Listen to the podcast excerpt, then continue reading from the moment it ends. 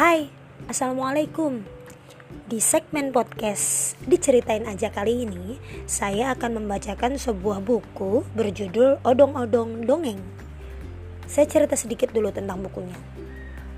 Buku Odong-Odong Dongeng ini diterbitkan oleh Naura Dan diterbitkan secara berseri. Ceritanya itu tentang fabel. Di antaranya ada kura-kura dan kelinci semut dan belalang, kancil dan buaya, katak dan ular, merpati dan elang, dan masih banyak lagi. Buku ini ditulis oleh dua eh, sepasang pendongeng yaitu Kak Iput dan Kak Oyas. Jadi rasa ceritanya ini dongeng sekali dan sederhana, tapi nilai-nilai kehidupan yang bisa ditiru anak itu bagus disampaikan secara ringan sekali. Buku ini mudah didapatkan, ada di toko-toko buku terdekat dengan harga yang juga tidak terlalu mahal. Tapi isinya sangat baik untuk anak, terlebih karena disampaikan melalui fabel yang tentunya lebih dekat dengan anak.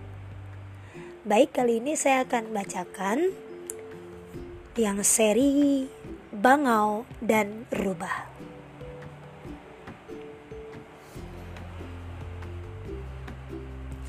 Halo teman-teman, ketemu lagi dengan kami. Aku Pak Kumis. Aku Topemon. Ini odong-odong dongeng. Kali ini kita akan bermain dongeng bangau dan rubah. Siapa yang mau jadi bangau? Siapa yang mau jadi rubah?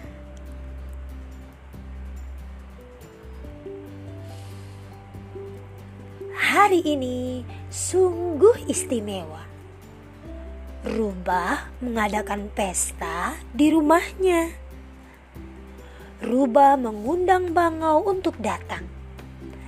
Bangau senang sekali dan segera bersiap pergi ke sana. Di rumahnya, Rubah menghidangkan sepiring bubur lezat dan memakannya dengan lahap.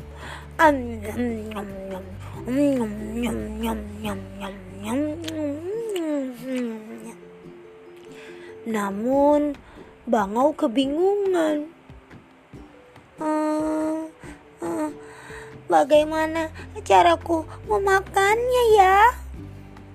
Paruhnya terlalu runcing dan panjang. Rubah heran melihat bangau yang pulang dengan sedih. Keesokan harinya, bangau gantian mengadakan pesta dan mengundang Rubah ke rumahnya. Dengan gembira, Rubah pun datang. Di sana, Bangau menghidangkan sebotol biji-bijian nikmat dan menyantapnya cepat. Hop, hop, hop, hop, hop, hop, nyam, nyam, nyam, hop, nyam, nyam, nyam, nyam. Namun, Rubah kebingungan. Hmm, bagaimana caraku memakannya ya? Moncongnya terlalu besar dan pendek.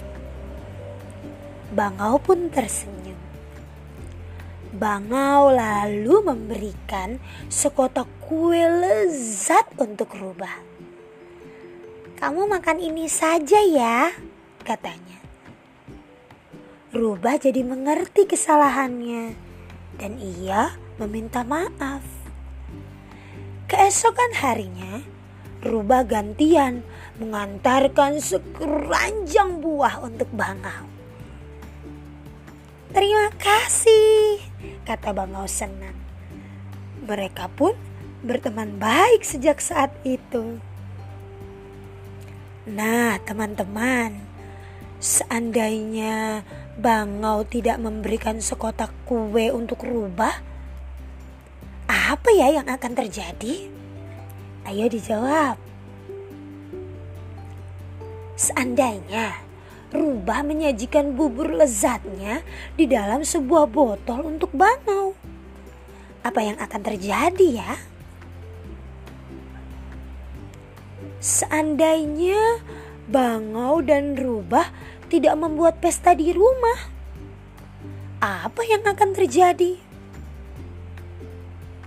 Hmm, seandainya Bangau dan Rubah bertemu dengan Tenggiling, apa yang akan terjadi?